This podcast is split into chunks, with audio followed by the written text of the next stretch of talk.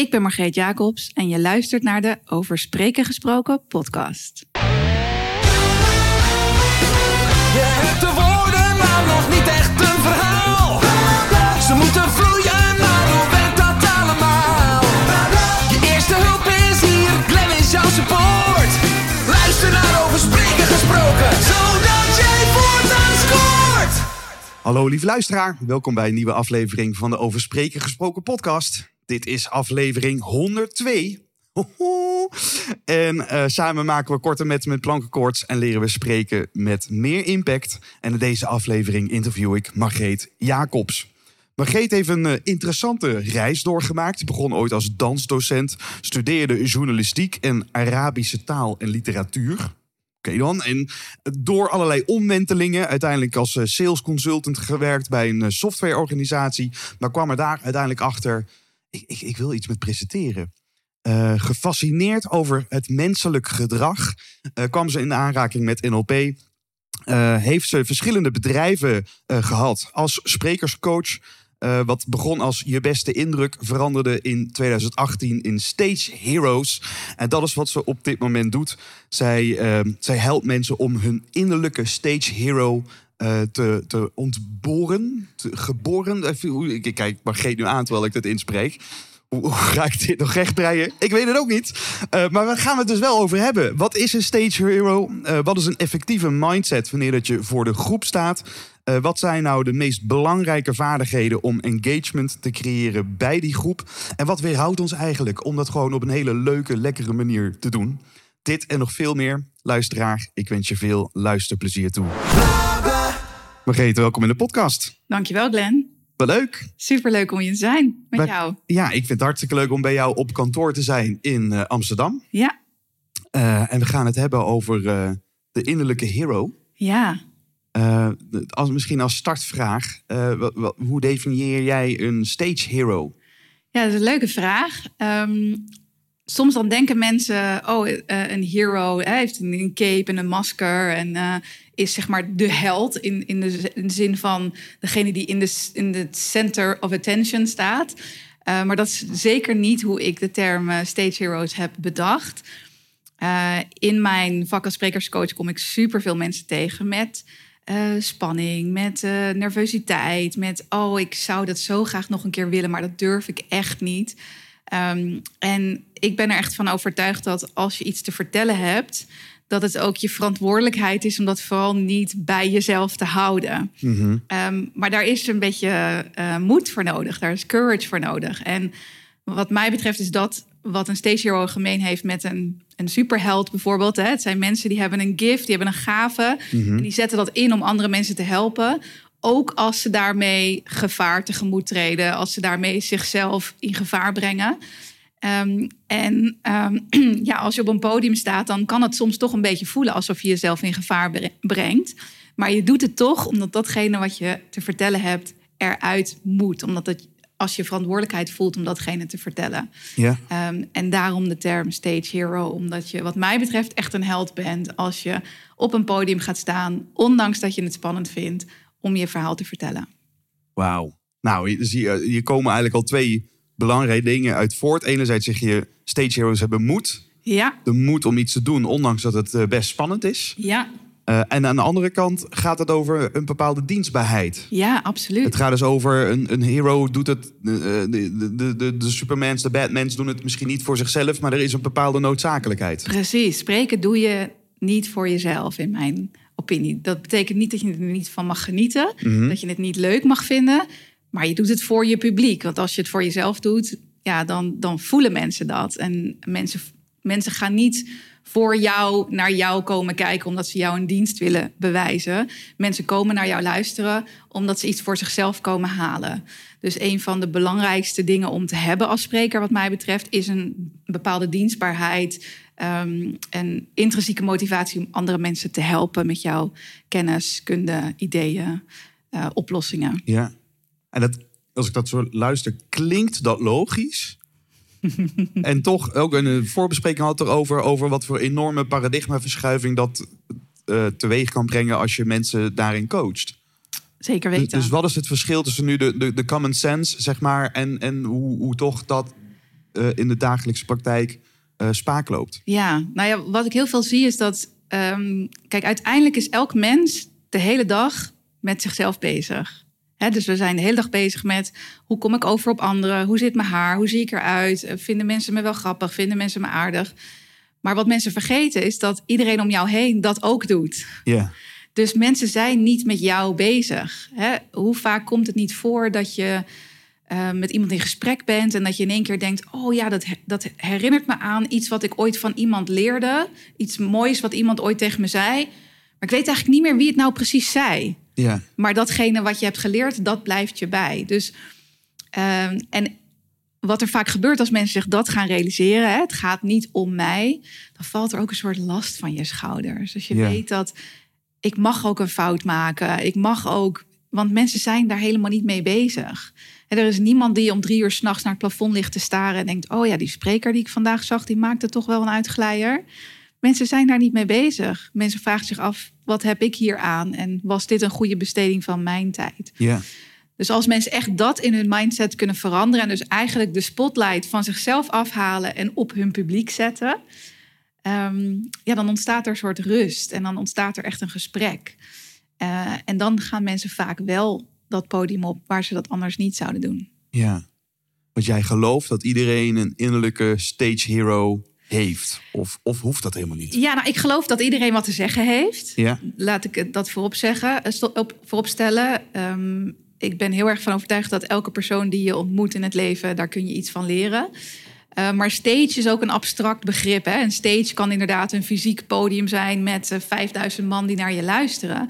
Maar op het moment dat jij in gesprek bent met je manager of in gesprek bent met iemand die aan jou rapporteert of met je buurvrouw, dan heb je ook een soort stage, want die persoon is op dat moment naar jou aan het luisteren. ja, Dus of je nou een één op één of een één op duizend eh, gesprek hebt, je hebt altijd een soort stage waar je je ideeën en je, eh, je inspiratie tentoonspreidt voor anderen. ja. En daar help je nu al jaren bedrijven mee, individuen mee. Ja, Eh, ja, ik ben, wat ik ook wel gaaf vind, misschien even een soort, soort footnote. Hebt, jij kiest ervoor om je, om je business eh, eh, te positioneren in het Engels. ja klopt. Nou, wij werken bijvoorbeeld allebei voor, voor PVH. Eh, dat is Tommy Hilfiger, Calvin Klein. Eh, daar is de voertaal Engels. Dus hè, bij grote corporates is voertaal Engels. Is dat Ja. ook de reden dat je dacht... hey, ik ga dat ook Engelstalig profileren? Of had dat een andere reden? Nee, dat is, eh, dat is correct. Ja, ehm, mijn eerste klanten waren eigenlijk al vrij snel grote internationale bedrijven. Ehm, daar komt bij dat eh, mijn partner is Frans, dus ik spreek thuis de Ah. hele dag Engels. En eh, nou, hier in Amsterdam zijn heel veel van mijn vrienden ook Engelstalig, of in Ja. ieder geval niet Nederlandstalig. Dus Engels is voor mij een taal die ik net zoveel spreek, zo niet meer eh, dan Nederlands. Ja, als je thuis ook nog doet. Precies, ja. Dus voor mij was het eigenlijk een hele logische keuze. En ik heb in het begin eh, van mijn bedrijf nog allebei gedaan. Hè? Dus dan maak je een website in het Nederlands en in het Engels. En je doet al je social media posts in het Engels en in het Nederlands. En ik realiseerde me al vrij snel, dat is niet te doen. dat is gewoon ongelooflijk veel werk. En toen dacht ik, ja, de mensen die mij volgen, die wel Nederlands zijn, die spreken ook Engels. Ja. Ehm, dus ik heb toen een keuze gemaakt om alles in het Engels te doen. Ja, Gaaf. Want ik, dat vind ik dan meteen ook alweer onderscheidend. Het Ja. zijn, je, hebt natuurlijk ook een veel grotere markt. Want dan, eh, dan eh, is je concurrentie bij wijze van spreken heel de wereld ja, eh, die Engels spreekt. ja, Maar tegelijkertijd zijn, zijn, ken ik veel spreekcoaches in Nederland die Nederlandstalig zijn. Ja. Wat heel gebruikelijk is.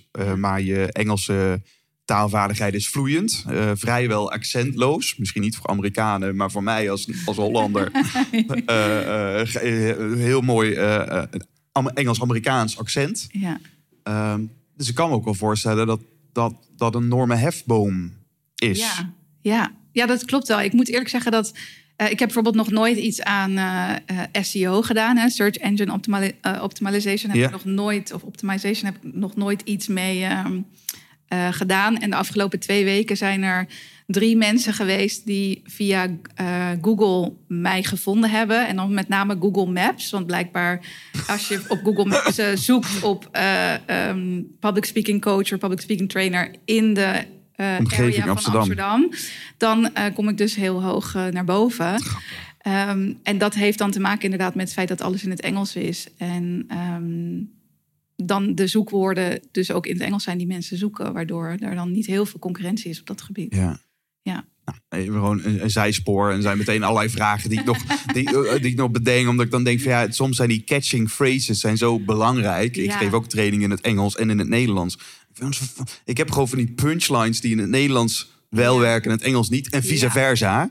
Wat eigenlijk heel irritant Is is. het ook, ja. Want dan is je framing in de training heel anders. Ja, ja, ik moet ook zeggen dat ik geef eigenlijk zelden training in het Nederlands. Maar als ik dat doe, dan ben ik ook continu aan het worstelen met... oh ja, dit zou ik normaal zo zeggen. Hoe vertaal ik dat naar het Nederlands? Ehm, ik heb wel onlangs een superleuke soort van truc geleerd... van een andere, een Engels sprekende eh, eh, podcast. Een soort over spreken gesproken, maar dan eh, in het Engels. Ja. En ehm, eh, dat was iets wat ik al deed, maar ik was me er niet van bewust. En nu kan ik het ook aan anderen leren. Dat als je in het Engels een presentatie geeft of een training geeft. En dan wil je eigenlijk niet beginnen met een disclaimer. Hè? Ik zeg eigenlijk altijd tegen mensen nooit een disclaimer in de zin van... oh, ik heb weinig tijd gehad om voor te bereiden... of oh, mijn Engels is niet zo heel goed, dus bear with me, zeggen Ja. mensen wel eens. Dat is eigenlijk een andere manier om te zeggen... this is gonna suck. Dus dat, hè, dat wil je natuurlijk niet. Ehm, maar een hele goede manier om eh, de aandacht te vestigen... op het feit dat Engels niet je eerste taal is... zonder dat te zeggen is door er dus een spreekwoord of een gezegde in je eigen taal eh, aan je verhaal toe te voegen. Eh, dus ik zeg bijvoorbeeld heel vaak, eh, als we het hebben over framing vanuit cultuur. Hè? Dus een van de redenen dat we dat veel mensen in Nederland spreken in het openbaar lastig vinden of een overtuiging hebben van ja, ik, ik, ik hoor hier niet of ik moet niet in de spotlight of ik moet niet veel aandacht naar me toe trekken, is omdat we in het Nederlands enorm veel spreekwoorden en gezegden hebben waar dat uit blijkt. Hè? Dus we zeggen bijvoorbeeld hè, kindjes die vragen worden overgeslagen. Ja. Met andere woorden, wacht tot iemand jou het podium geeft, ga er vooral niet om vragen. Of hoge bomen vangen veel wind. Ja. Of we zeggen, nou en dan gooi Je ik er hoofd boven het maaiveld uitsteken. je kop ook, precies. En eh, dan gooi ik er zo'n spreekwoord in. zeg ik, oké, in Dutch we would say. En dan zeg ik dat in het Nederlands. En dan vertaal ik vervolgens wat dat in het Engels zou betekenen. En wat je dan doet, is dat je dus door heel even je eigen taal er doorheen te gooien... laat je zien, hé, hey, ik ben hier aan het presenteren in een andere taal dan mijn eigen. Ja. Zonder dat je dat benoemt. Nou. En ik vond het zo'n briljante leuk. eh, tip. En Ja. ja. ik deed het dus al, maar ik was me er niet van bewust. En dat vind ik ook altijd zo leuk van dit soort dingen. Now comes the monkey out of the sleeve. Precies, nu komt het eruit. Ja, en dat is. eh, eh, ja, ik, ja, ik, ik vond het briljant en ik, ik geef de tip eigenlijk nu aan iedereen. Want, één, en want dat is als je veel training geeft in het Engels, dan kom je dus in contact met heel veel mensen die ook in het Engels moeten presenteren, maar niet native English zijn. Ja. En dan zitten er heel veel beperkende overtuigingen op. Als ja, maar ik zal nooit zo goed worden als hij of als zij. Want eh, mijn Engels is daarvoor niet goed genoeg. Ja. En dan leer ik mensen om hun accent of hun, hè, hun, hun eigen taal... om dat als een trademark te gaan gebruiken... in plaats van als een tekortkoming te zien. De grap en is dit vaak is dan een van die trucs. Superleuke tip al. En eh, ja, dus dank je wel voor het delen. Dit Ja, is, ja, dit is denk ik omdat je dus op een intelligente manier hetzelfde zegt, zonder dat je jezelf tekort doet. Precies. Eh, ik wilde dus al een disclaimer maken naar de luisteraar. Zo van, mochten we af en toe een Engelstalige zin gebruiken, neem het ons niet kwalijk. Maar dat zijn dan die taglines, dus voel je. Vrij om dat te doen. Ja. Eh, maar in dit geval eh, ja, zou ik dan eerder een eh, Engelstalige... ja, hier staat op jouw cup, staat hier. Ja. When you have an audience, you have a responsibility. Ja. Nou, gaan we het nog over hebben. Ja. Weet je, luisteraar, dat dat soort taglines mogelijk voorbij komen. Ehm, en de grap is, ik, ik, hoor jou, ik hoor wat je zegt, dat dan vaak als ik in het Engels een, een training heb... En, en er zijn dan allemaal mensen die niet native eh, English speaking zijn... en er zitten dan twee mensen van de UK... en die zijn het slechtst verstaanbaar van iedereen. Juist. Want die, die praten zo snel met Ja, een accent... ja. dat echt iedereen voortdurend zegt... Ja. beg your pardon. Ja, eh, precies. could you rephrase? En die hoos. Ja. Ik ben benieuwd, Margreet. Wanneer kwam jouw fascinatie met, met, met spreken? Wanneer ontstond dat? Vanuit de gedachte dat jij een meer eh, non-verbaal misschien eh, bezig was eh, als, als danser. Ja. Eh, nou, ne- neem ons mee in jouw eh, Ja. eerste aanraking daarmee. Nou, het, het is heel grappig, want ik heb, ehm, en dat is iets wat, waar ik later pas achter kom. Hè. Dus eh, ik was vroeger altijd jaloers op mensen die, die vanaf hun tiende wisten... ik word tandarts. Want ik was zo iemand die nooit wist wat ik wilde worden later als ik groot was. Want ik vond namelijk altijd alles leuk. Ja. Ehm, maar nu later terugdenkend aan toen ik heel erg, toen ik jong was, toen ik klein was. eh, en dat is een advies wat ik ook altijd aan iemand geef die zegt: Ik weet niet wat ik wil doen in het leven. Dan vraag ik altijd: Wat deed je toen je zes was? Want ik vond namelijk spreken altijd al heel erg leuk. Als toen ik vier was, zette ik mijn poppen in de kring en ging ik juffrouwtje spelen. Eh, en als we ergens op vakantie waren en er was een podium, een playback show of een wat dan ook, dan was ik de eerste die zei: hey, ik wil dat doen. En zelfs toen ik dansdocent eh, was, vond ik eigenlijk het lesgeven nog leuker dan het optreden. Ja. Eh, omdat ik gewoon lesgeven altijd heel erg leuk heb gevonden. Ehm, en ik ben ook wel eens gevraagd om bijvoorbeeld shows aan elkaar te praten. Oh ja. Eh, want dan was bijvoorbeeld de MC uitgevallen. En dan zei ik, oh, dat doe ik wel. ja, dat, dat, dat was gewoon voor mij ehm, iets wat ik... Ja, ik, ik heb het altijd leuk gevonden. Ik vond spreekbeurten geven op school ook altijd superleuk. Ehm, bij mij moest de juf of de meester altijd zeggen... nou, Margreet, het is een half uur, het is een half uur voorbij. Het is tijd om af te ronden. Want anders dan stond ik de hele middag te praten. Ehm, dus het is iets wat ik altijd heel erg leuk heb gevonden. Maar ik kwam er eigenlijk pas achter dat ik er ook professioneel iets mee wilde gaan doen. eh, toen ik vertrok bij mijn vorige werkgever. Ik had zeven jaar eh, bij een softwarebedrijf gewerkt. Waar ik enorm veel had geleerd over bedrijf, over business. Maar ook heel veel had gezien over eh, miscommunicatie. Hè? Zeker als je in de software zit, dan is er altijd die, die, die struggle tussen de business en de IT. Die zijn het namelijk nooit met elkaar eens. Mhm. En eh, ik realiseerde me toen, ja, ik zou heel graag iets met die communicatie willen doen. En ik wil heel graag weer lesgeven. Want dat miste ik zo. Hè. En mijn danscarrière, tussen haakjes carrière, eindigde vrij abrupt. Omdat ik een zware heupoperatie moest ondergaan. Waardoor het gewoon fysiek niet meer kon. Mhm. Dus ik werd er een beetje uitgedwongen, om het, maar, om het maar zo te zeggen. En ik wilde gewoon heel graag weer terug naar dat lesgeven. Want ik genoot daar altijd zo van. Ehm, en enerzijds kwam ik toen in aanraking met NLP, hè, dat zei je net al, neurolinguistisch programmeren. En anderzijds ging ik leren over lichaamstaal. Want ik vond, hè, ook vanuit dansen en menselijk gedrag, ik vond body language heel interessant, lie detection, eh, leugendetectie, dat soort dingen. En er gebeurde toen iets heel grappigs, want mijn omgeving die wist natuurlijk dat ik daarmee bezig was. En er kwamen mensen uit mijn omgeving naar mij toe en die zeiden: Ik heb volgende week een presentatie en ik hoorde dat jij met NLP eh, mijn zenuwen weg kan halen.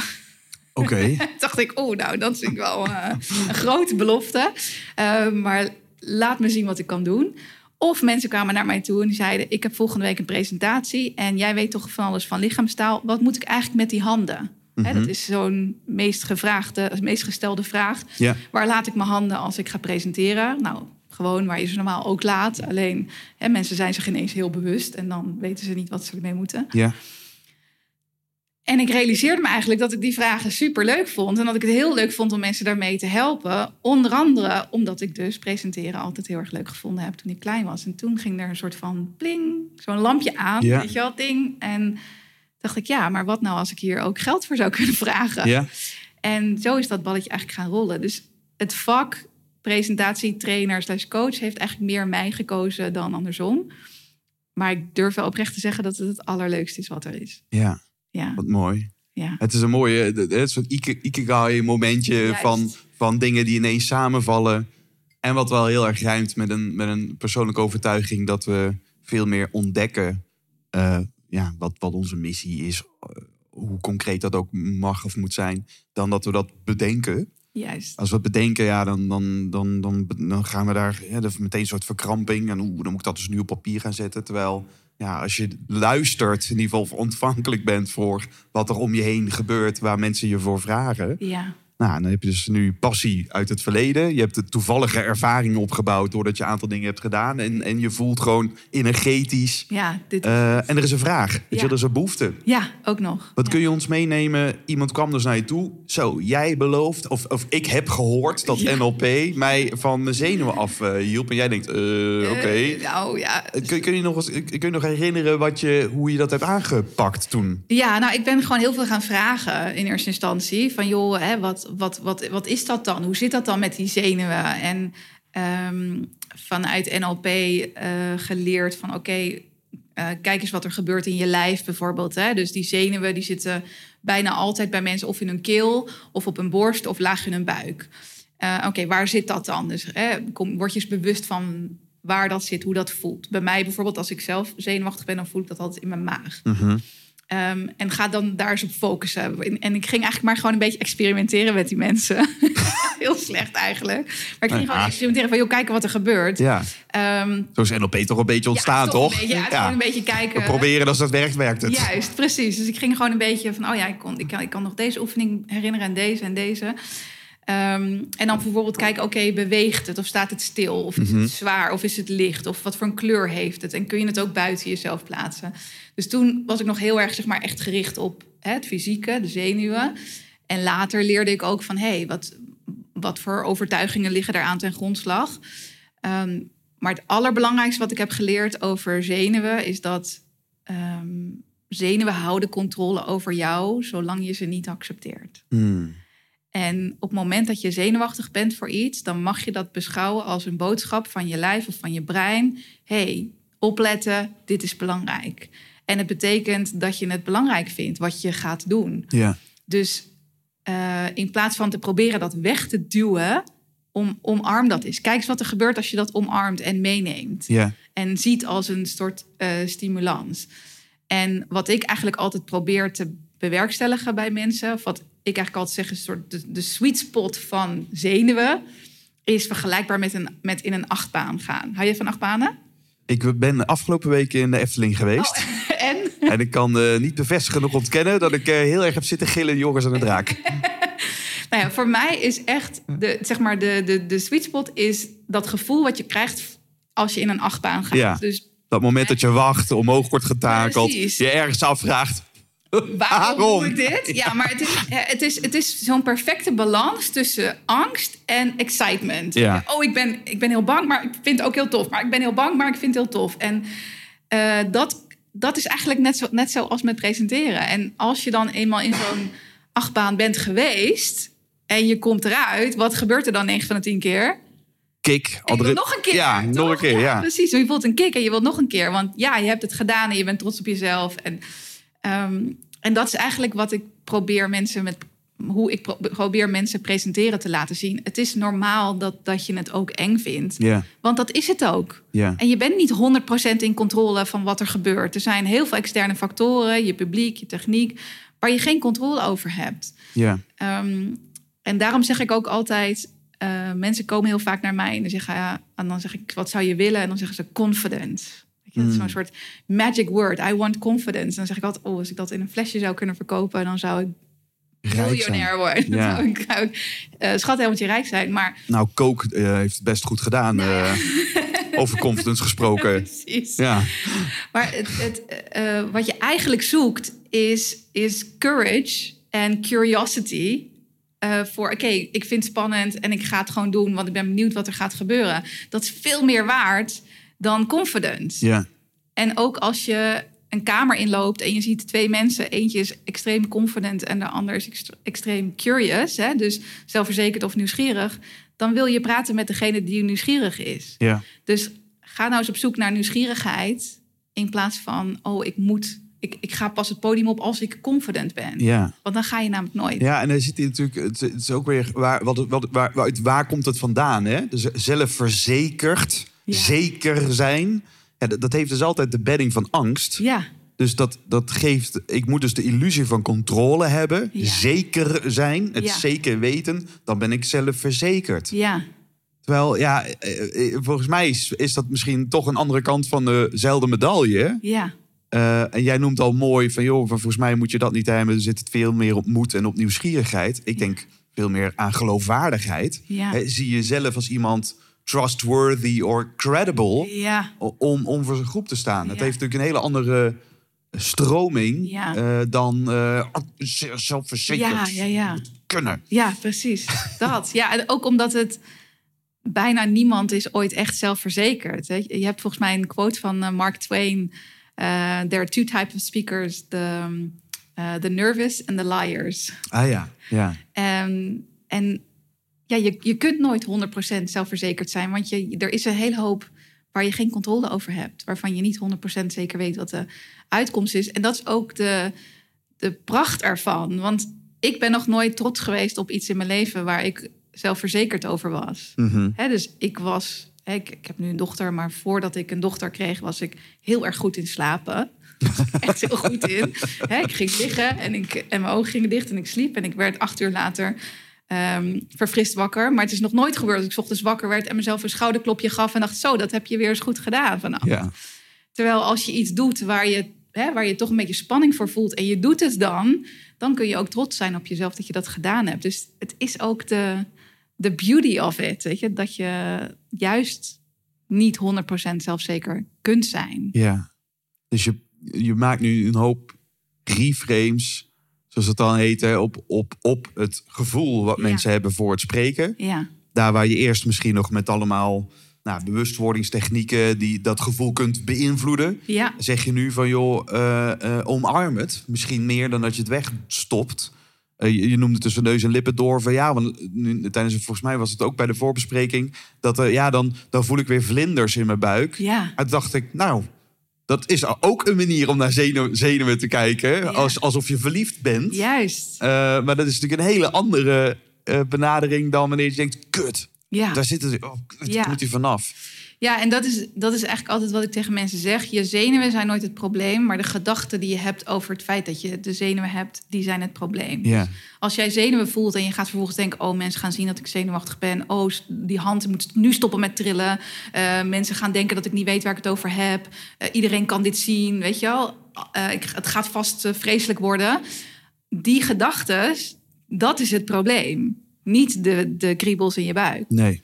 Dus je kunt andere gedachten kiezen. En die hebben dan ook vervolgens een andere uitkomst. Ja. Hoe, hoe belangrijk is dit in je werk? Dat, dit, dat, die, dat die onderstroom, zou je kunnen zeggen, dit is vrij onzichtbaar. Eh, Ja. Dat staat los van waar eh, laat ik mijn handen en eh, hoe doe ik het verhaaltje goed vertellen. Ja, Ehm, hoe, hoe vaak komt dit als het ware bovendrijven als de wortel van het probleem? altijd. Ja? Ja, en soms dan zegt iemand wel eens in mijn training: eh, Oh, this is almost like therapy. Eh, en dat is het. En dat is ook waarom ik, waarom ik public speaking als vak zo interessant vind. Hè, het kunstje van een goed verhaal vertellen vind ik superleuk. Maar wat ik echt interessant vind is de menselijke psyche. En hoe zorg je nou dat je mensen echt als zichzelf op zo'n podium kunt laten staan. En dat je echt erachter komt. Wat houdt iemand tegen? Waar komen maniertjes vandaan die mensen gebruiken? En hoe kun je die allemaal weer afpellen om Ja. iemand echt authentiek en ja. eh, authentiek is ook een beetje zo'n buswoord. Ja. Eh, om iemand echt als zichzelf impact te laten maken en zich gewoon lekker in zijn eigen vel. Dat is eigenlijk waar het over gaat. Dat je lekker in je eigen vel zit als je op zo'n podium staat, zodat je ook kunt connecten met anderen. Dat is super belangrijk. Ja, dat is eigenlijk altijd waar het op uitkomt. En het grappige is, ik vertelde net in het voorgesprek even aan jou. Het gebeurt heel vaak dat een manager naar mij toe komt en zegt: Ja, wij, wij willen storytelling leren. Kun je een storytelling training voorbereiden? Dan zeg ik: Ja hoor, dat is goed. Ik kan een storytelling training voorbereiden. En dan kom ik binnen en dan zit er een groep van nou, 15 mensen. En dan vraag ik eh, wie vindt het allemaal spannend om te presenteren. En dan gaan er 14 handen omhoog. En dan weet ik dat we eerst iets anders te doen hebben. En dan gaat, nou ja, we gaan dan nog steeds wel een stukje storytelling doen. Maar een heel groot stuk daarvan gaat overboord. Gaan we het eerst hebben over, ja, hoe ga je nou als jezelf op dat podium? En hoe zorg je nou dat je dat gaat doen zonder slapeloze nachten van tevoren? Ja. Want zo'n trucje van hoe, hè, of trucje, weet je, het leren van hoe vertel je Techniek. een goed verhaal, een techniek, hoe leer je, hoe vertel je een goed verhaal, is superveel waard. Maar als je dat podium niet op durft, dan heb je er helemaal niks aan. Ja. Dus je moet daar altijd beginnen, Ja. in mijn opinie. Ja, nou ja, en eh, dat is, ik denk dat dat denk ik heel belangrijk is, wat eh, wel altijd een soort van, ehm, ja, ik vond het wel interessant. Ik had het met Karen de Gelan. Ja. Eh, zij, zij doet veel, eh, zoekt veel onderzoeken op. Eh, en ik vind haar nieuwsgierigheid heel inspirerend, waarin ze zegt: van, joh, is dat van binnen naar buiten ontwikkelen noodzakelijk? Eh, bijvoorbeeld, iemand staat aan de rand van het zwembad en durft niet in het zwembad te springen.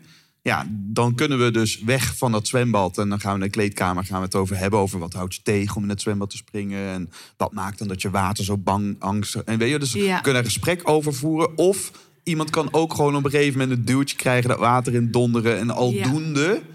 Door het te doen, ervaart iemand... Oh, wow, het lukt wel. Ja. Oh, de, de, de, die, dus de, hoezeer gaan we het cognitieve voorrang geven op de ervaring... Ja. Uh, en ik merk dus bij spreken, ook als ik zelf presentatie of workshops geef of presenteren, ik, ik merk altijd toch wel een soort van struggle in. Ik vind het allebei zelf waanzinnig interessant. Maar wat ga ik aandacht geven vaak Ja. in de tijd die ik toch maar heb? Want je Ja. hebt gewoon die paar dagdelen of Ja. één dag waarin ja, uiteindelijk mensen wel naar buiten moeten gaan met een Ja. gevoel van hé, hey, ik heb iets voorbereid wat ik volgende week eh, goed kan doen. Ja. Hoe, hoe, hoe ga jij daarmee om? Ja, ik, Hoe zie je dat? Ik vind het een supergoed punt wat je hier noemt. En het is, het is altijd een mix van, van beide. Dus ik probeer bijvoorbeeld eh, tijdens mijn trainingen altijd... Hè, dit stuk wat we net besproken hebben... dus dat, hè, dat hele mentale eh, stuk... te combineren met eh, echt wel uit je comfortzone eh, oefeningen. Ja. Ehm, eh, ik heb bijvoorbeeld gisteren nog een oefening gedaan... waarbij we dan dan zet ik heel hard muziek aan... en dan laat ik iemand voor de groep praten in de energie van de muziek. En dan switch ik de muziek naar een ander, ander soort muziek. En dan moeten ze hun energie switchen. En in het begin zat iedereen achterover, armen over elkaar. Dat ga ik echt niet doen. Dit is toch echt wel zo'n stomme oefening. En nou dan gaat de eerste. Je hebt altijd eentje nodig die eerst gaat. Gelukkig was dat eh, de leider van het team. Zei, oké, ik ga. Die kwam vervolgens terug. Oh, dit was superleuk. En iedereen moest heel hard lachen. En uiteindelijk na een half uur had iedereen het gedaan. En zei iedereen, oh, dit was zo leuk. En ik heb hier zoveel, zo mezelf over zo'n punt heen gebracht. Ehm, daar geloof ik enorm eh, in, in dat soort oefeningen. Maar iemand het podium op duwen die heel erg gespannen is met een verhaal van ga hier maar eens een coherent verhaal houden. Mhm. Ja, dat, dat is wat mij, denk ik, een te grote stap. Omdat als iemands brein... Kijk, als je iemand in een zwembad gooit... dan gaat iemands brein in overlevingsmodus... en dan blijf je wel boven water. Ja. Maar in een presentatie, dan, hè, dan wil je toch graag... dat dat cognitieve brein goed werkt... om hè, goede zinnen te formuleren. En als dat dan een hele nare ervaring voor iemand wordt... omdat iemand zo aan het struggelen is... heb je kans dat iemand nooit meer dat podium opgaat. Ja. Dus ik denk dat het altijd een balans is... en dat het ook heel erg afhankelijk is van wie heb je voor je. Want voor elke mens is dat denk ik ook deels anders. Ja. Ja. Ja, dus je zegt hier, eh, dat volgens mij de reden omdat mensen vaak spreekangst hebben, is omdat ze ooit een keer een faalervaring hebben meegemaakt. Dan Ja. denken, dit nooit meer. Ja. En vanuit daar, eh, eh, ja, dus iedere keer als ze de kans krijgen, Ja, eh, dat proberen te ontlopen. precies. Ik schrok er echt van toen jij eh, in de voorbespreking een paar voorbeelden gaf van, van hoe mensen reageren op het moment Ja. dat ze een presentatie eh, in een schoot geworpen krijgen. Ja. Wat, wat, wat, wat, krijg je zoal terug als ze zeg maar een biecht opbiechten wat ze hebben gedaan om dat te ontlopen? Ja, nou, en, mm, en mensen, en dan hebben we het echt over mensen die vrij hoog in de boom zitten bij grote organisaties, die zich bijvoorbeeld ziek melden. Of eh, een calamiteit hebben, of ineens moeten verhuizen, of eh, iets, iets moeten doen waardoor ze maar niet op kantoor hoeven te zijn op die dag van die presentatie. En het dus eigenlijk in iemand anders eh, schoenen schuiven. Dat gebeurt er dan natuurlijk ook. Ehm, maar dus, dus, dus echt verlamd zijn van angst. En dan dus dit soort dingen doen om, om het maar te ontlopen. Om maar te voorkomen dat ze dat podium op hoeven. Ja, En dat is natuurlijk vreselijk, want dat heeft impact op alles. En dat heeft impact op hun groei, eh, ehm, op hun groei binnen een organisatie, maar ook op hun team. Want het zijn heel vaak leiders waar dit gebeurt. Eh, het heeft impact op hun team en het heeft impact op hun vertrouwen in, in zichzelf. Want het is iets wat ze aan niemand durven te vertellen. Eh, dus hè, dat imposter syndroom wordt alleen maar groter bij mensen. Want ja, iedereen denkt dat ik dat kan, maar eigenlijk ondertussen lig ik onder, onder de deken te trillen. En ja, dat, dat heeft een enorm grote impact op mensen. ja. Dus als ze dat dan aan mij opbiechten, dan zeg ik altijd als eerste: je bent niet de enige. En dat, dan zie je al dat mensen een soort van. Want dat is de perceptie die mensen hebben. Ja, Van ik ben een loser Ja, en ik ben de enige loser. die dit ja niet... eh, iedereen kan dit, behalve ik. Ja. ja. Ja, en wat grappig is, is dat ook heel vaak als ik dan zo'n vraag stel... Hè, van wie vindt presenteren eng en er gaan allerlei handen omhoog... is er altijd iemand eh, waar iedereen dan naar kijkt van... hè, jij? Oh ja. Altijd. Dus altijd iemand waarvan mensen denken: ja, maar jij vindt dat toch hartstikke makkelijk? Jij kan dit toch heel goed? Hoezo vind jij dat spannend? Dus er zit ook, en dat is met name vaak bij mannen, eh, dat daar toch een soort taboe op rust. Van ja, ik durf dan niet te vertellen dat ik dat ook heel spannend vind. Ja. Ja. Wat zijn overlevingsstrategieën die, eh, die als mensen dan toch doen, waar mensen dan intuinen, wat, wat vaak averechts eh ja, werkt? maniertjes, hè? Ehm, eh, hun notities erbij houden. of mensen die alles woord voor woord uitschrijven en dan dagenlang alles uit hun hoofd aan het leren zijn. Ja. Ehm, ehm, mensen die ja, enorm bijvoorbeeld lopen te ijsberen of ja, allerlei, allerlei, allerlei maniertjes en trucjes om zichzelf te ondersteunen die eigenlijk averechts werken. Ja. Want als je natuurlijk een presentatie helemaal woord voor woord gaat uitschrijven en je gaat het uit je hoofd leren, dan gooi je nog meer druk op jezelf. Want wat als je die ene zin vergeet? Ja. Eh, bovendien zit je in je eigen hoofd hè, met wat heb ik allemaal onthouden, in plaats van echt in gesprek met je publiek. Eh, dus dat werkt averechts en daardoor is het geen positieve ervaring. En dan, ja, zo blijft dat, eh, zo blijft dat doorgaan. Dus ja, ik dwing mensen dan bijna altijd om zonder notities en zonder uit hun hoofd leren hun volgende presentatie te doen. En dan het eerste wat ik altijd terugkrijg is: Oh, dit was zoveel relaxter. Oh, wauw, echt. Ja, Ja. het gaat erover dat je dan vertrouwt op je eigen kennis en je eigen kunde. Ik zit nu te denken, misschien vanuit de analogie van het zwembad. Dat je als volwassen man of vrouw alsnog die zwembandjes omdoet. Ja. En dan denkt, ja, maar dan ben ik veilig. Ja. Ja, maar als je vanuit die voor de groep gaat staan. De paradoxaliteit is natuurlijk, jij zegt in het begin, mensen zijn niet met jou bezig. Maar door dat soort trucs te gaan doen, Ja. vestig je de aandacht juist op jezelf. Juist. Omdat het zo niet natuurlijk is dat mensen denken, hé, maar wat doet hij, waar is hij nou mee bezig? Ja. en het allergrootste cadeau wat je je publiek kunt geven is door relaxed te staan. Want op het moment dat jij ontspannen bent, is je publiek dat ook. Hè? We hebben allemaal wel eens naar een spreker gekeken op het podium die enorm aan het vechten is. Dat is zo oncomfortabel om te zien, want wij, hè, wij voelen wat die ander voelt. Ja. Dus als jij daar relaxed staat, dan is je publiek ook relaxed. En dat is uiteindelijk wat je, wat je wilt. ja. Ja. Ik, ik moet nu denken aan een, aan een- Ik ben benieuwd hoe jij dat ziet. In een gesprek wat ik had met eh, Remco Klaassen. Ja. eh, een tijd terug. Waarin het ging over.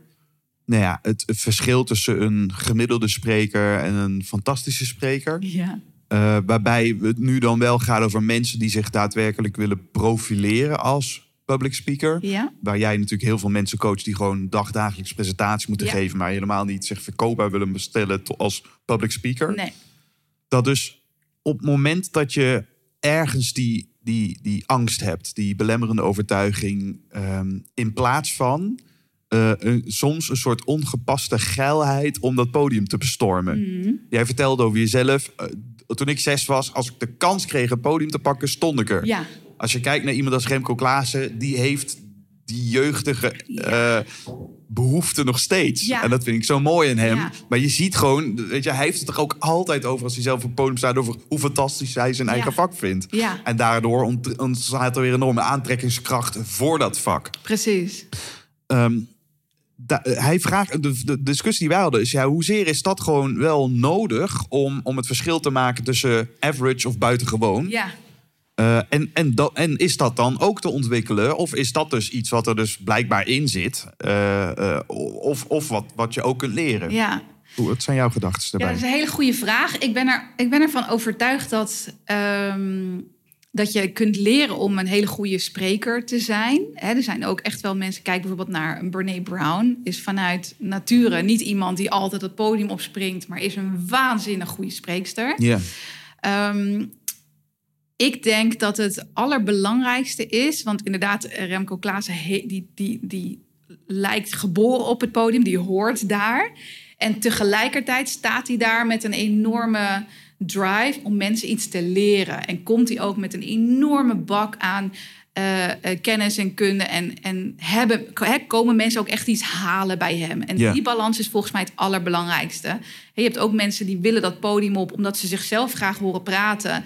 Die eigenlijk helemaal niet zo heel erg verbonden zijn met wat heeft iemand hier nou aan. Hè? Dus Ja. komt weer even terug op when you have an audience, you have a responsibility. Die dus niet die verantwoordelijkheid nemen, maar gewoon heel graag in die spotlight willen. ja, dat worden ook geen geweldige sprekers. Want Nee. dat, dat, mensen willen daar ook niet naar luisteren. Maar omdat Remco die voelt zich zo vrij en zo fijn op dat podium, dat mensen het gevoel hebben, ik wil daarbij zijn. Ik wil ook een beetje van wat hij heeft. Dat heeft een enorme aantrekkingskracht. Ja. Ehm, is dat te leren, ja, dat heel intrinsieke van geef mij een podium en ik ben gelukkig. Dat weet ik niet. Dat is heel, natuurlijk echt heel erg nature, nurture. Hè? Ja. Geen idee. Ehm, maar ik denk wel dat je kunt leren om het leuk te gaan vinden. En dat is eigenlijk met alles. Alles waar je beter in wordt, ga je ook automatisch leuker vinden. En voor mij is ook altijd mijn doel als ik een training geef. Mijn doel is niet om van iedereen tussen haakjes perfecte sprekers te maken. A, bestaat dat niet. En B, kan dat niet in de Nee. tijd die je krijgt met mensen. Maar om mensen ehm, eh, excited te laten zijn over hun volgende presentatie. Oh, ik mag weer een presentatie geven. Dat mensen ernaar uit gaan kijken dat ze een presentatie gaan geven. Want hoe, hoe leuker je het gaat vinden, hoe vaker je het gaat doen. En hoe vaker je het gaat doen, hoe beter je wordt. Ja. Ehm, dus mijn mantra voor mensen is ook altijd raise your hand. Dat is de enige manier om goed te worden in spreken. Als er ergens een opportunity is, een, een mogelijkheid is voor jou om te spreken, raise your hand, ik doe het wel. Eh, als je in gesprek bent met een manager van een andere team, raise your hand, zeg hey, kan ik misschien bij jullie een keer iets komen vertellen over wat wij doen? Of hè, maak die, cre- creëer die mogelijkheden voor jezelf. Ga het heel vaak doen. En hoe vaker je doet, hoe leuker het wordt. En hoe leuker het wordt, hoe vaker je doet. En uiteindelijk word je er zo steeds beter in. Ja. Dus ja, die, die, die oerdrift om dat podium op te willen racen, net als Remco, dat weet ik niet of je dat kan leren. Maar je kunt mensen wel leren om het leuk te gaan vinden. ja. Daar ben ik wel van overtuigd. En dat gaat dus over eh, de, wederom de moed hebben om, om het aan te gaan. Ja, Eh, de mini-succeservaringen eh, daaruit te putten. ja, Dat motiveert natuurlijk enorm. ja, Dus op het moment dat mensen in plaats van wegrennen, eh, denken: Oh, yes, ik, ik heb een kans hier Juist. om het verschil te maken. Juist. Dan, dan zeg jij, nou, dan, dan ben je al. Dan onderscheid Ja. jezelf al zo erg van het gemiddelde juist. Ja, dat het nooit aangaat. Precies, ja, en je zegt daar iets heel moois. Want ik zeg ook eigenlijk altijd tegen mensen dat, hè, dat je de kans krijgt om iets te vertellen. Ik zeg ook altijd tegen mensen: als je merkt dat je overweldigd wordt door, door angst, door fear, focus je dan op de dankbaarheid voor het feit dat je de kans krijgt. En dat er iemand is die gevraagd heeft of jij daar wil gaan staan. Ja, Dus hè, ehm, eh, Tony Robbins zegt altijd: eh, fear and gratitude cannot exist at the same time. Hè, dus angst en dankbaarheid kan niet coexistent, eh, kan niet naast elkaar bestaan. Dus als je je focust op die dankbaarheid van wauw, wat tof dat er tien of honderd of duizend mensen gekomen zijn om te luisteren naar wat ik te vertellen heb. Hoe dankbaar ben ik daar wel niet voor?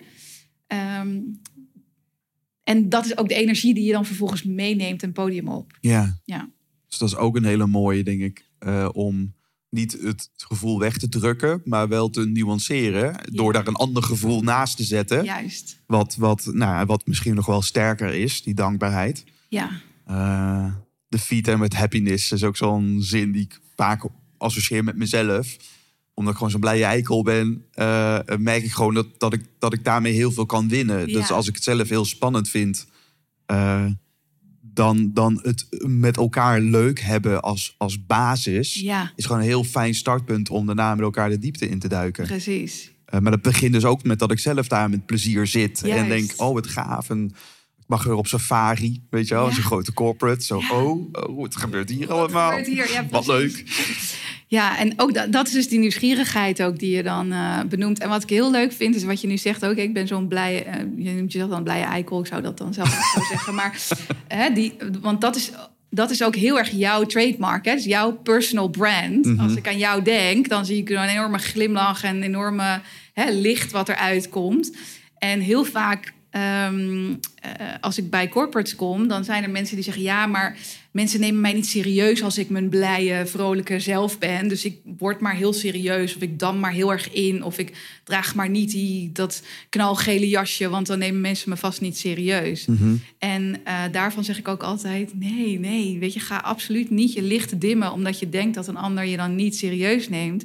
Dat is je brand. Weet je, hoe tof is het dat mensen altijd glimlachen als ze jou ziet, omdat je. ehm, dus omarm ook je eigen quirks of je eigen hè, wie, wie je bent als persoon. Ja, En maak dat je trademark, dat mensen eh, uit gaan kijken naar een presentatie van jou, omdat ze weten dat ze daar met een grote glimlach vandaan komen. ja, Ook al gaat het over budget cuts of iets anders wat misschien niet zo heel erg leuk is om te horen. Ja. En, en, of, en als dat een andere stijl is, is dat ook prima. Dus als je een stiekem een super nerd bent, vergroot dat dan een beetje uit. ja, dat je daar dan weer grapjes over maakt. eh, dat je begint met een Yoda-quote of zo. Ja, Eh, eh, of of hè, als je kijkt naar Noval Harari, eh, eh, die, die uitgesproken homoseksueel is. Wat natuurlijk ook eh, niet, niet. Je zou dat weg kunnen stoppen als, als je in Israël woont. En, eh, maar hij, hij, juist daardoor. Daar Ja. put hij juist kracht uit om, om die menselijke natuur verder te onderzoeken. En ook te delen over hoe dat, hoe dat werkt. ja. Ja, ja, en ik geloof dat daar ook echt de kracht zit. Dus eh, ik noem dat speaking powers. Dus iedereen heeft zeg maar iets wat, waar die van nature in soort van uitblinkt... of waar die in, van nature eh, in eh, goed in is als het gaat over communicatie. En ga dat juist gebruiken. Ga daar nog meer op sturen. Dus Ja. hè, we sturen heel vaak op wat kan ik nog niet goed... Wat, wat, wat moet ik nog bijleren? Of hoe moet ik nog meer dit of nog minder dat? Maar ga nou eens kijken naar wie je van nature al bent. En hoe kan je dat nog verder uitvergroten? Ja. Eh, en dan ga je jezelf echt. ehm, eh, ja, ik zoek even naar het Nederlandse term, but uh, that's when you set yourself apart. Weet je, dat is wanneer Je onderscheidt je jezelf. onderscheidt. Dankjewel. Ja. je onderscheidt jezelf echt, en dat is waar volgens mij echt de magie gaat gebeuren. daarop doorborduren. Ik ben wel nieuwsgierig vanuit het metafoor van Stage Heroes. Mhm. Je hebt je punt al gemaakt dat het allerbelangrijkste is de dienstbaarheid van, van die held. Ja. Eh, die responsibility. Je doet Ja. het niet voor jezelf, je doet het voor nou, de, de, dat publiek wat een behoefte heeft. Ja. Komt iets halen. Ja, En tegelijkertijd ga ik Spider-Man niet met Batman verwarren. nee, Eh, Superman of Catwoman hebben een heel duidelijke identiteit. juist. Eh, en je begint nu over branding. Daar waar dus de rol die mensen hebben achter het kostuum is vaak anders dan de rol die ze vervullen hè, met dat kostuum aan Ja. als, als hero. Ja, Is dat een vergelijkbare verhouding die, zich, die iemand zou kunnen hebben op het podium? Of staat dat weer haaks op jezelf zijn? Ja, nee, ik, tussen ik- dat, is, aanhalingstekens. dat, is het, dat is het enige deel van, van Heroes waar ik dus niet de vergelijking wil eh, trekken. Want het laatste wat ik wil is dat je inderdaad hè, eh, van Peter Parker verandert in Spider-Man. Om maar even in de metafoor te blijven als je op het podium gaat. Ik zou juist gewoon een Peter Parker op het podium willen zien. Bovendien is die super grappig. Dus ik zou. ehm, het gaat er juist over dat je oké bent zonder dat masker Hmm. op het podium. Ja, want daar zit echt de kwetsbaarheid en daar is dan weer de moed voor nodig. Om, want hè, op het moment dat je echt jezelf bent, dan doet afgewezen worden ook meer pijn. En uiteindelijk is angst voor spreken in het openbaar is een angst voor afwijzing die we allemaal hebben. Dus hoe meer je jezelf bent, hoe meer pijn het doet als je wordt afgewezen. Dus als jij een, een trucje staat te doen met een masker op, ja, dan wijzen mensen je af om die persona. Ehm, dus ja, ik pleit er wel heel erg voor dat mensen dat stuk van zichzelf meenemen, dat podium op. Ja. Ja, Ik voel heel erg de behoefte om dan uit eigen nieuwsgierigheid nu een filosofische discussie in Ja. te gaan over wat is dan ja wat is dat jezelf? dan? Ja, ja, wat is Eh, en dan? bestaat dat wel? Of zijn we niet een collectief van persona's? Onmogelijk, omdat we ons altijd hè, de, de, de betekenis vinden van wie we zijn in de sociale context. Ja, Hè, dus dat authentiek zijn, ja, dat is vaak ook maar wat een deel van ons. Ja. Wat, ge- wat erkenning en waardering Ja. creëert bij anderen. ja, 100 procent. Eh, dus met andere woorden, als je van vriendengroep verandert of eh, je wordt eh, moeder. Ja. weet- dus als er een andere rol komt, ga jij je anders gedragen automatisch. En hier gaat je weer vergelijken met Ja. een andere peer group die ineens in je leven komt. Ja, ja er, komen bij mij nu eens duizenden dingen omhoog nu je dit zegt. Want het, dat is ook zo. Ik, ik, ik las laatst ergens een quote en die vind ik, nog, die vind ik zo waar. Ja, ik las top. ergens een quote, die vind ik zo waar. Ehm, ehm, we are not who we think we are. We are who we think other people think we are. Dus we zijn niet wie we zelf zijn. We zijn wie we denken dat andere mensen denken dat wij zijn. Ja, Dus met, en en ehm, ook dat is dan weer eigenlijk onmogelijk. Want ik ben in jouw hoofd niet dezelfde persoon als die ik ben in de hoofd van een andere persoon. ja, Hè, dus er leven versies van ons, van verschillende sta- eh, stadia van ons leven, in de hoofden van alle mensen die we ooit hebben ontmoet. Maar geen van die versies is de echte ik wie we zijn, want dat weten we vaak zelf ook niet helemaal. nee. Ehm, maar eh, dus inderdaad, dat hè, jezelf zijn en authentiek zijn is een beetje zo'n. Ja, kan dat überhaupt wel? Maar waar ik eigenlijk altijd naar streef, is naar effortless zijn. Dus op het moment dat, dat iets je geen moeite kost, dan ben je in mijn ogen het meest jezelf. Dus ik heb bijvoorbeeld in het begin van eh, mijn eh, eh, business ehm, veel ook op de Zuidas gewerkt bij bedrijven. Het is allemaal jasje, dasje, ehm, he- heel formeel. En ik was aan het einde van die trainingen gesloopt. Ja. Dus ik realiseerde me dat ik daar een persona aan het spelen was die, die, hè, die in dat stramien van eh, jasje, dasje, formaliteit probeerde te passen. Ja. Eh, en als ik dan een training had gegeven, bijvoorbeeld bij PVH aan een, een team van eh, Tommy designers, dan had ik dat niet aan het einde van de dag. Dus zo kwam ik er ook achter, hey, ik ben dus daar meer mezelf, wat dat dan ook mogen zijn, dan in die andere situatie. Dus voor mij is dat altijd de graadmeter. Oké. Mooi. Als iets weinig moeite kost, dan is het dus natuurlijker jezelf. Ja. Ja, En dat zou dus een streven moeten zijn dat je op een plek werkt of dat je eh, ook in, je, in de doelgroep die, die je wilt bedienen, ja, je een doelgroep kiest waarin je merkt dat in de verbinding daarmee er een moeiteloosheid ontstaat. juist. Ja. Ja. Ja, en dat is ook wat mij betreft echt een, eh, ook weer een, een vooronderstelling. Als je goed wilt worden als spreker, eh, of dat nou in een bedrijfsleven is of op een groot podium, dan moet je accepteren dat je niet voor iedereen bent. Mm. Hè, dus ik zeg altijd, zelfs niet iedereen ter wereld vindt puppies leuk. Dus waarom zou je er zelf naar willen streven dat iedereen jou leuk vindt? En bovendien gaat het ook niet over de validatie van anderen. Ja. Dus, ehm, en hoe meer je jezelf wordt, hoe meer je dus ook loslaat wat andere mensen van jou vinden. Want A, heb je er weinig controle over wat een ander van jou vindt, omdat het vaak meer zegt over wat die ander van zichzelf op jou projecteert dan over jou. Ehm, en anderzijds komen er dan meer mensen naar jou toe die ook echt bij jou passen. Ja. En ja, dat zorgt voor een bepaalde moeiteloosheid. En dan ben je wat mij betreft op je tussen haakjes authentiekst. Ja, mooi.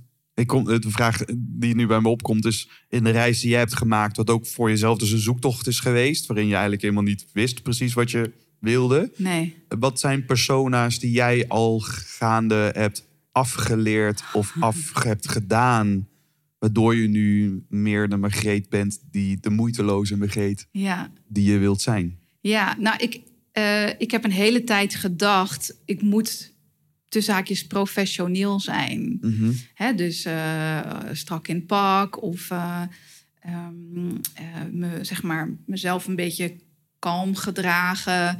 Ehm, terwijl ik ook een enorm blij ei ben en af en toe enorm mysterisch kan zijn. En mijn trainingen, die zijn ook super ehm, ad hoc en ongestructureerd, bijvoorbeeld. Er is een tijd geweest dat ik dacht, oh ja, als een trainer, dan hè, heb ik dan geleerd van een goede trainer. Die bereidt helemaal zijn training voor en die weet precies, die heeft precies de perfecte combinatie tussen praktijk en theorie en die organiseert het precies zo. En mensen krijgen van aan het begin een agenda en dan weten ze precies wanneer er een pauze is en Hè, zo dacht ik dat dat moest, maar dat vrat mijn energie. Terwijl als je mij voor een groep zet en zegt... nou jongens, we hebben een dag samen. hey, wat gaan we vandaag doen? En dat ik me gewoon kan laten inspireren, intuïtief... eh, door wat, wat ik voel dat op dat moment de groep nodig heeft... en dan gewoon uit mijn koffer van alles kan pakken... ja, dan heb ik aan het einde van de dag... kan ik er nog wel één doen. Ja.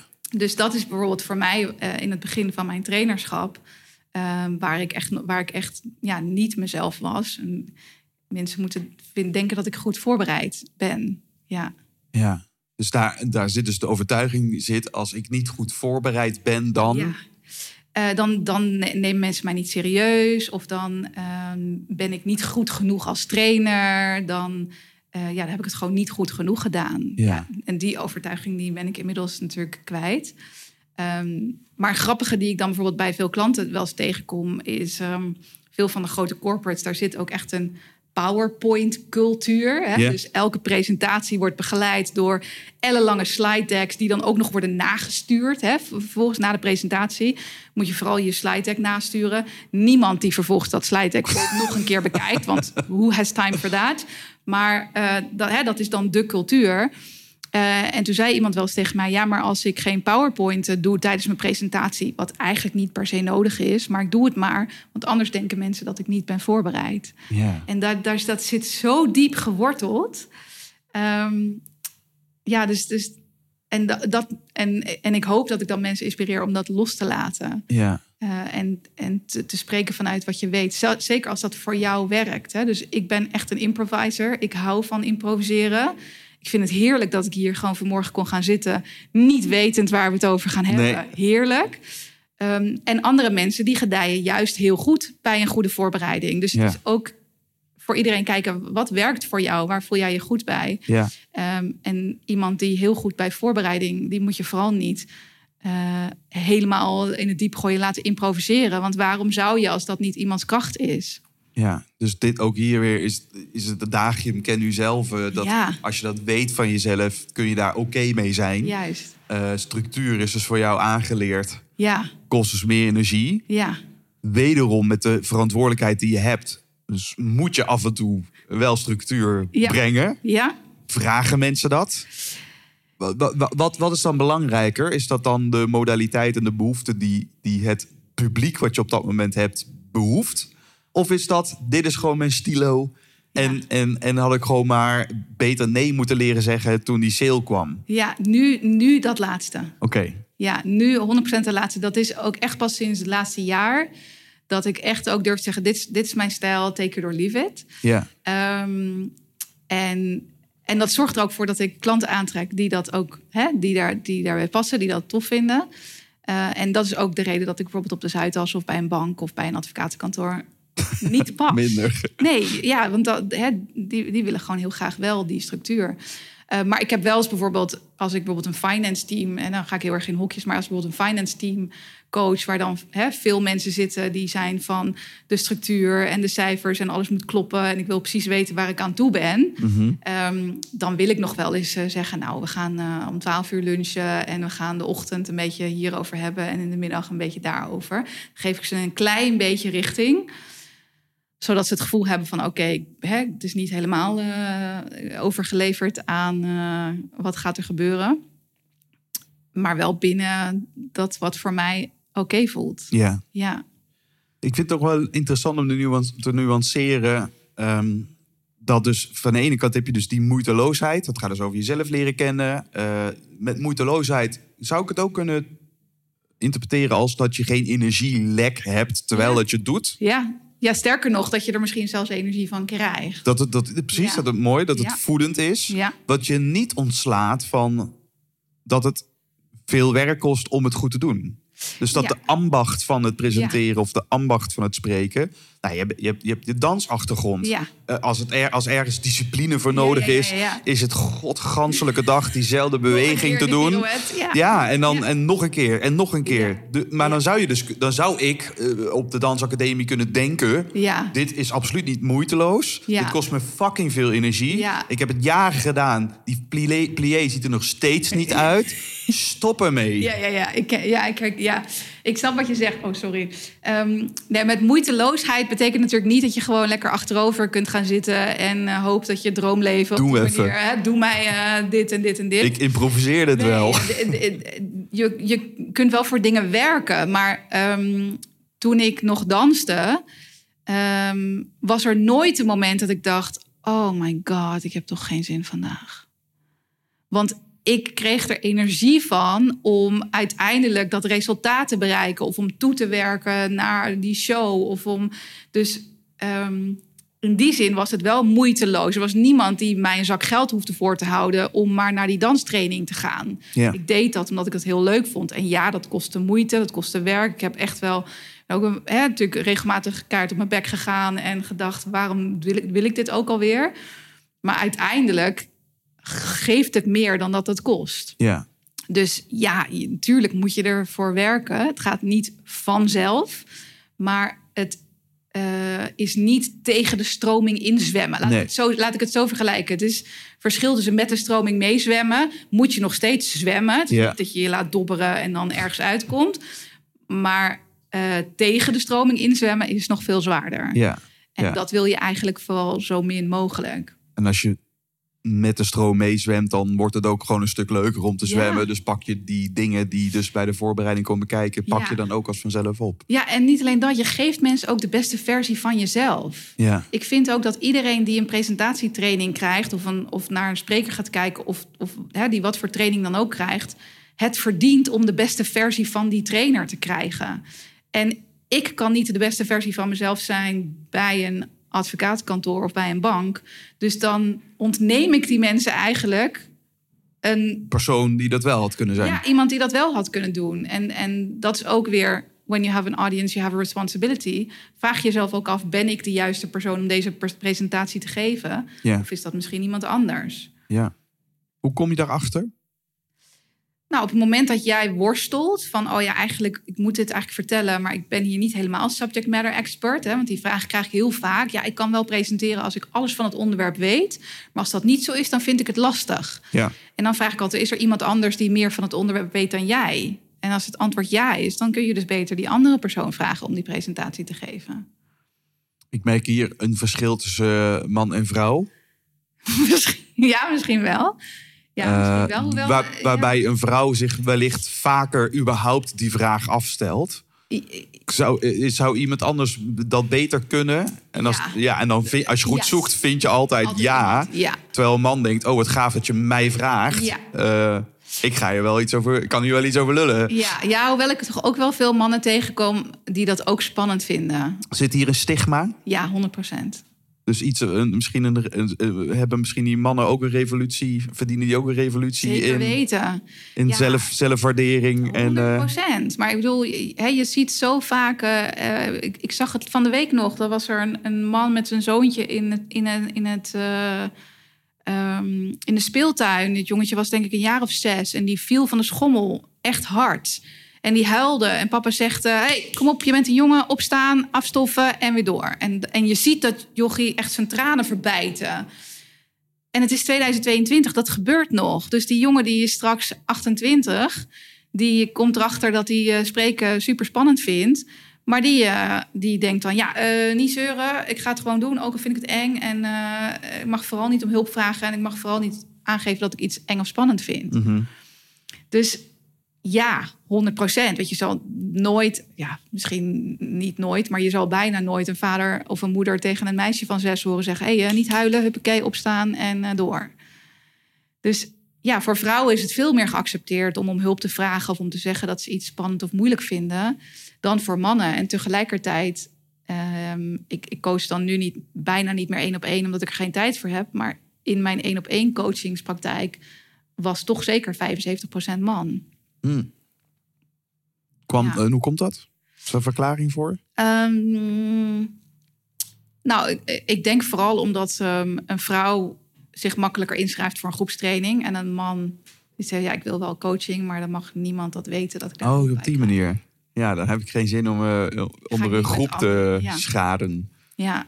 Ja, grappig. ja, en wat ik ook wel zie is dat als een mannelijke manager een, een, een training aanvraagt voor zijn team, dan, eh, of een vrouwelijke manager, een vrouwelijke manager zit bijna altijd bij de training en doet mee. En een mannelijke trainer vaker zegt, oh, ik kom wel eventjes aan het begin om even te zeggen van, jongens, waarom gaan we deze training Ja. doen? En daarna ga ik eh, weer weg. Ja. Dus eh, dan minder de, minder de moed om zichzelf ook kwetsbaar op te stellen. Door te zeggen, oh, ik ga ook deze oefeningen doen. En ik vind dat ook spannend. En ik ga ook mijn comfortzone stretchen.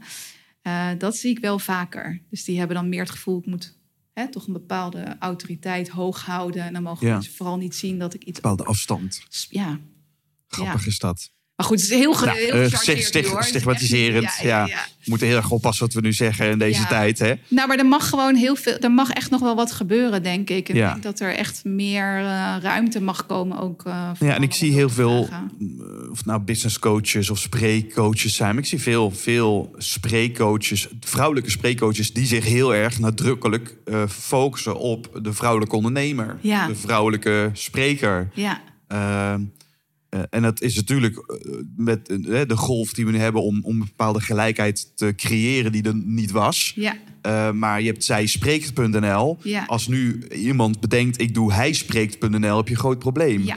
Dat kan niet. Ja. Want, want de norm is al, hij spreekt. Dus het heeft, is geen noodzaak ook om dat apart te profileren. En tegelijkertijd ben ik af en toe ook wel eens bang dat daardoor juist die kloof alleen maar groter wordt. ja, Omdat het niet gaat over, eh, nou, waar jij het over hebt, moed, nieuwsgierigheid en dienstbaarheid. Ja. Naar elkaar toe. Hey, hoe kunnen we elkaar versterken in ons kracht? Ja. Maar het gaat over hoe kunnen wij, hoe kan ik de zelfverzekerdheid oppompen. Ja. Zodat ik eh, een bepaalde masculine energie eh, op kan boksen.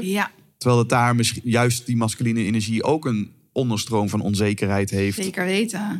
En, en, en waar veel meer zachtheid ook op zijn plaats is af en toe.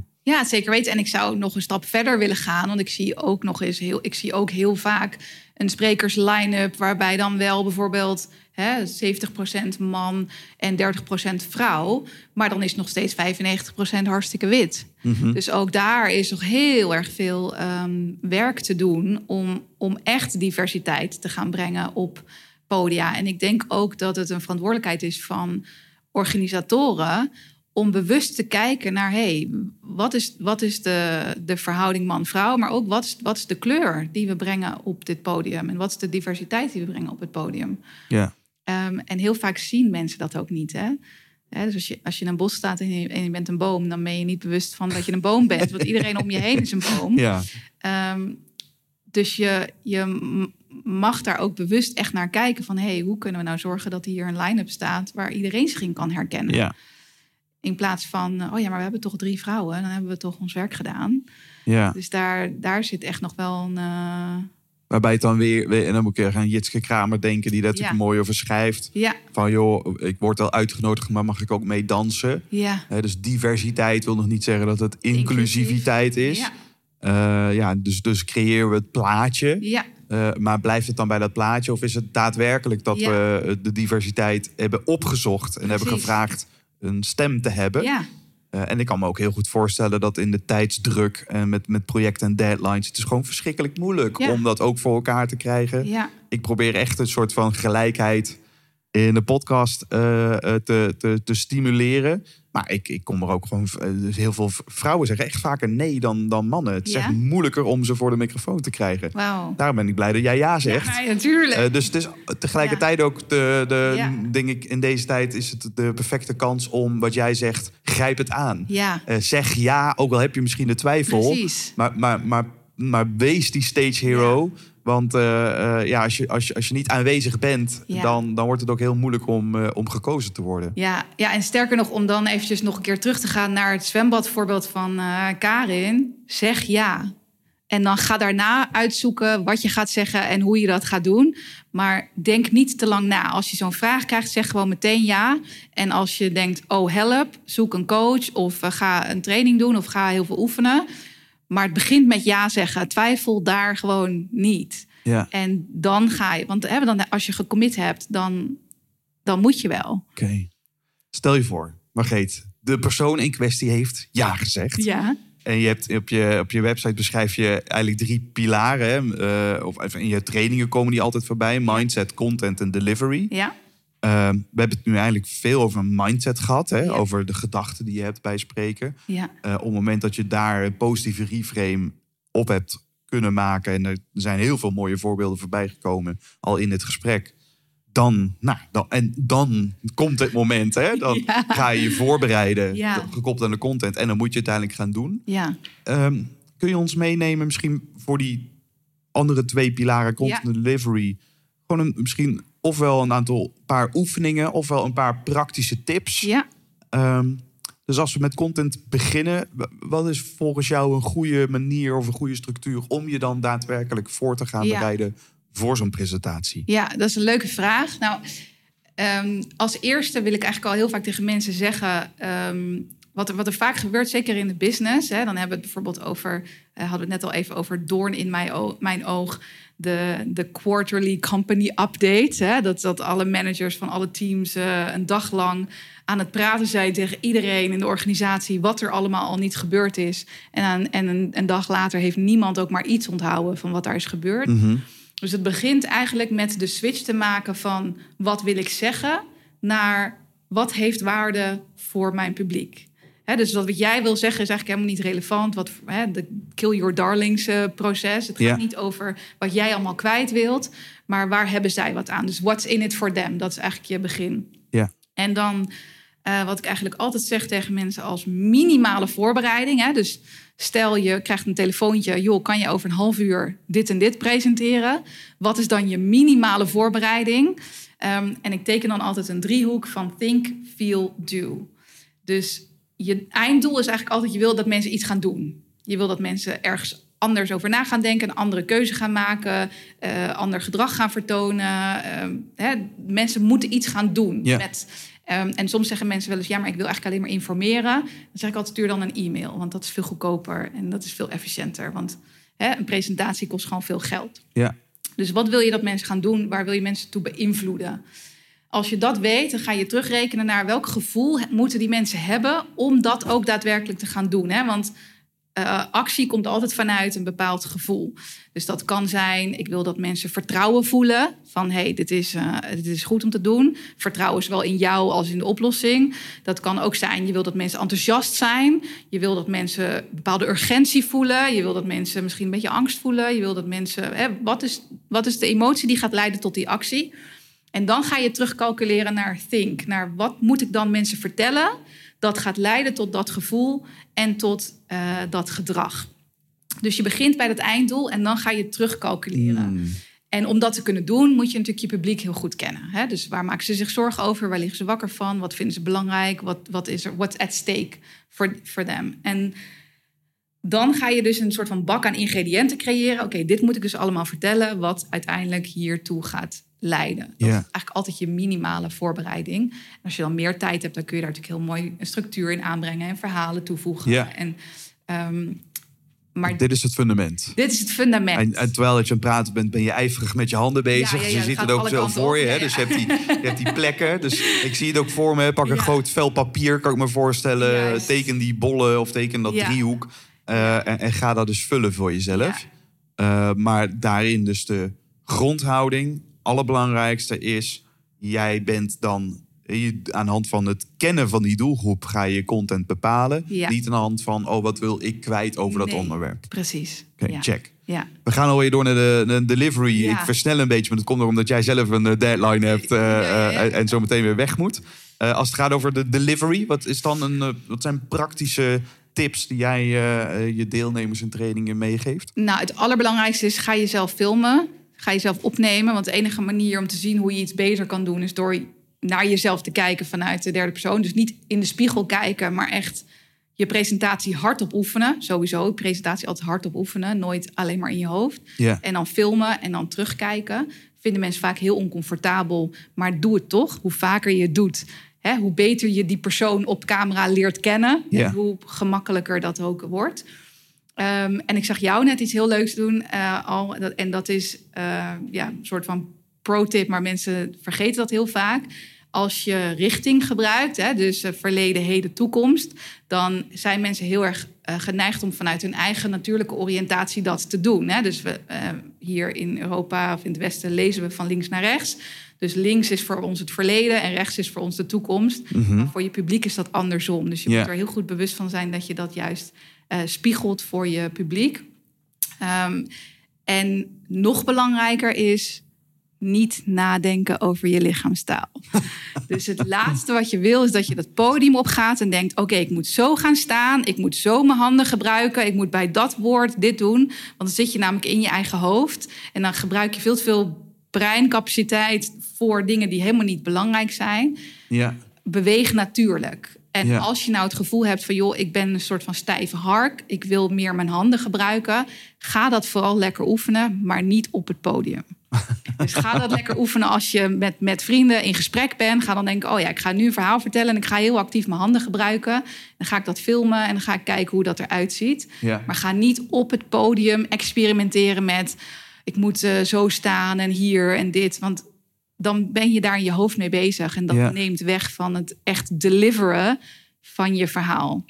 Mooi wat je zegt. Waar, waar als je, als je gewoon... Ja, je ziet dan inderdaad, eh, voor mij is dan een toekomst voor jou. Dit is voor jou toekomst, is precies. voor mij verleden. Juist. Dus dat spiegelen is een, eh, is een hele belangrijke... Wat, wat ik ook bij heel veel professionele sprekers nog steeds fout zie Ja, gaan. ja, ja, ja, en dat zeker. voelt dan altijd een beetje onnatuurlijk als, Ja. als kijker. Ja. Maar dat, dat, eh, uiteindelijk wordt het spiergeheugen. Juist. En dan denk je er dus niet meer over na. Nee. En ik merk dat met mijn acteursverleden... dan is het juist heel belangrijk wat je precieze houding is. Waar je Ja. wanneer staat. Alleen dan heb je wel een repetitieproces van vier maanden. Precies. Waarin dat zo gedrild wordt Ja. dat in dat moment Ja. je daar totaal niet meer over bezig bent. En je kan laten gaan. Maar, maar tegelijkertijd Ja. eh, zit, zitten die bewegingen en, en mi- mimische eh regieaanwijzingen zitten er dan wel in. Juist. Ja, we, we noemen dat eigenlijk een soort van happy birthday level eh, ingestudeerd. Dus ook als het gaat over je tekst, als, als het gaat over tekst leren. Hè. Dus ik heb bijvoorbeeld wel met TED, TEDx-sprekers gewerkt. Die zijn dan zes maanden met zo'n verhaal bezig.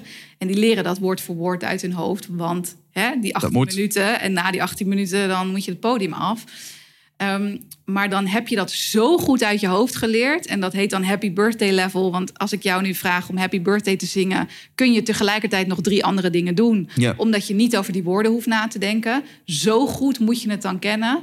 dat je echt er niet meer over na hoeft te denken. Zodat je met je brein en met je aanwezigheid... met je presence bij je publiek kunt zijn. Ja. En niet aan het nadenken bent... nu komt er dit of nu moet ik dat. Want dat was mijn tweede vraag. Waar zou dan die aandacht wel moeten zijn? Nou, dat is dus bij het publiek. Bij je publiek en bij je verhaal, ja. Ja. Ja, en, en dan kun je ook zien, oh, komt dit aan? Of interactie, of als je iets ziet gebeuren, dat je daarop in kunt spelen. Je ziet dat bijvoorbeeld bij stand-up comedians. Die kennen hun set zo goed, dat ze in die set ruimte hebben om te spelen met het publiek... en om in te spelen op wat er gebeurt en Ja. dan hun verhaal weer op te pakken. Altijd ook een fijne ontwapening om dat eh, de deelnemers te laten zien. Dat zo'n Netflix special, dat heeft iemand honderd, honderden soms keren gedaan... voordat ze de Netflix special doen, hè? Juist. Dus niet de first timer Nee, eh, dat ze ergens op een podium ja, staan. Ja, dus ga niet eh, twee dingen met elkaar vergelijken... die niet bij elkaar horen. Maar Geet, we gaan al langzaam naar de afronding. Ja, Als Jammer. mensen. Jammer, hè? Ja, ja. We zouden nog zo er uren vast kunnen plakken. Dat weet ik Zeker weten. Als mensen meer over jou willen weten, super nieuwsgierig zijn geworden, eh, wellicht een online training willen doen. Volgens mij heb je ook een gratis ja. eh, eh, giveaway op Ja. je website staan. Ja. Via welke weg komen ze daar? Ja, ze kunnen naar eh, stageheroes.nl. Dat is dan wel .nl. Ehm, en daar vind je ook inderdaad de gratis Five Killer Speech Openers. En eh, spoiler, er zit ook nog een eh, stukje bij hoe je je speech moet eindigen. Want dat vergeten Cool, mensen ja. ook vaak. Hè? Goeie closing. Hoe, heb ik een goede closing? Eh, dus die kun je sowieso gratis aanmelden. Je vindt mij op Instagram. Stage Heroes Maya heet ik daar. Omdat Oké. inderdaad, je gaf al aan, ik doe alles in het Engels. Margreet is niet echt een lekkere naam voor mensen om uit te spreken. Ehm, dus eh, in mijn danscarrière heb ik ooit de naam Maya, wat eigenlijk de eerste twee letters van mijn voornaam en de eerste twee letters van mijn achternaam eh, zijn, eh, geadopteerd. Dus ehm Stage Heroes Maya, zo vind je me op Instagram en op eh, ehm, LinkedIn vind je me gewoon onder Margreet Jacobs. Staat genoteerd. Dankjewel. We gaan naar de ontsportvragen. Ja, oh ja. Ja. ja, ja, tuurlijk. Eh, je mag eh, kort en krachtig antwoord Ja. geven. Het eerste wat in je opkomt is goed. Ja, kom maar door. Wat is een boek wat je enorm heeft geïnspireerd? Of wat je wellicht vaak het cadeau, eh, cadeau hebt gegeven aan anderen? The Big Five for Life. Wat is een mythe over spreken waar we echt vanaf moeten? Eh, picture your audience naked. Niet doen. Niet doen, nee, nee, nee. Je mag een uithangbord plaatsen waar miljoenen mensen langskomen. Wat zou jij op dat uithangbord plaatsen? Ehm. Oef. Wees jezelf, je bent zo leuk. Hmm, mooi. Stel je voor, angst speelt geen rol meer in je leven. Wat voor keuze zou je dan maken? Wereldreis maken. Ja? Ja, Staat nog op een bucketlist? ja zeker. Gaat er ooit voor komen, denk je? Ja, hij stond op de planning eh, en toen kwam corona. En toen, Kwam een kind. en toen kregen we een kind. Dus nu met een baby eh wereld rond, dat vind ik toch wel spannend. Ja. Maar ik hoop wel dat we dat nog een keer gaan doen. Kost nog geen stoel. Nee, het kost nog geen een voordeel. stoel. Nee, nee, maar het is wel... En die eh, ik- Least of your concerns. ja, ik weet dat er mensen zijn die het doen. En ik heb daar enorm veel bewondering voor. Maar ik zie, zie het mezelf met een baby nog niet eh, doen. Wie is voor jou een idool of inspiratiebron? Ehm Brene Brown vind Mhm. ik echt een eh, fantastische spreekster. Een enorme inspiratie. Ehm, jij. Ik? Ja, ik vind jouw podcast zo te gek. Ik vind het zo gaaf hoe je dit eh, zo hebt, uit de grond hebt gestampt. Ja, vind ik echt heel leuk. Ik, ben echt een stiekem een beetje Star Trek. ja, echt. Ik wil meteen door naar de volgende vraag. Maar eh, ontvangen is ook een kunst. Ja, dus ja, da- ja, dankjewel. Voor mij, ik ga, ik ga er zelf van blozen. Je mag een muzieknummer in over spreken gesproken jukebox stoppen. Misschien iets wat je graag luistert voor of na het spreken. Ja, eh, Unstoppable van Sia. Oh, goeie. Unstoppable. En de laatste vraag is de college toevraag. Eh wat zou jij een beginnend spreker als advies willen meegeven? Wat is een mooie eerste stap? Raise your hand. Ga het gewoon doen. Elke kans die je krijgt, eh, tik op het glas tijdens een vriendendineetje. Elke, mo- elke mogelijkheid die je kan krijgen om eh, iets te zeggen voor meerdere mensen. Pak hem. Fantastisch. Margreet, dankjewel. Dankjewel, Glenn. Zwaar inspirerend. Oh, ik vond het zo leuk. Hey lieve luisteraar, gefeliciteerd! Je hebt de hele aflevering afgeluisterd. Dat verdient een klein cadeautje.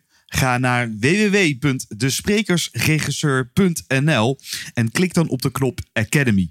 Want daar vind je de negen beste lessen van twee jaar over spreken gesproken. Kun je je gratis voor aanmelden voor de Online Sprekers Academy, zodat ook jij leert praten met resultaten. Tot slot wil ik de gast van deze aflevering heel erg bedanken. Vond je het ook een gave aflevering? Laat het dan weten. Zet een comment of stuur een berichtje via LinkedIn. En ik zou het vooral heel erg gaaf vinden als je een review wilt achterlaten op je favoriete podcast-app, zodat deze podcast ook vindbaar is voor iedereen die korte wetten wilt maken met plankenkoorts en wilt spreken met meer impact. Bedankt voor het luisteren en tot de volgende aflevering.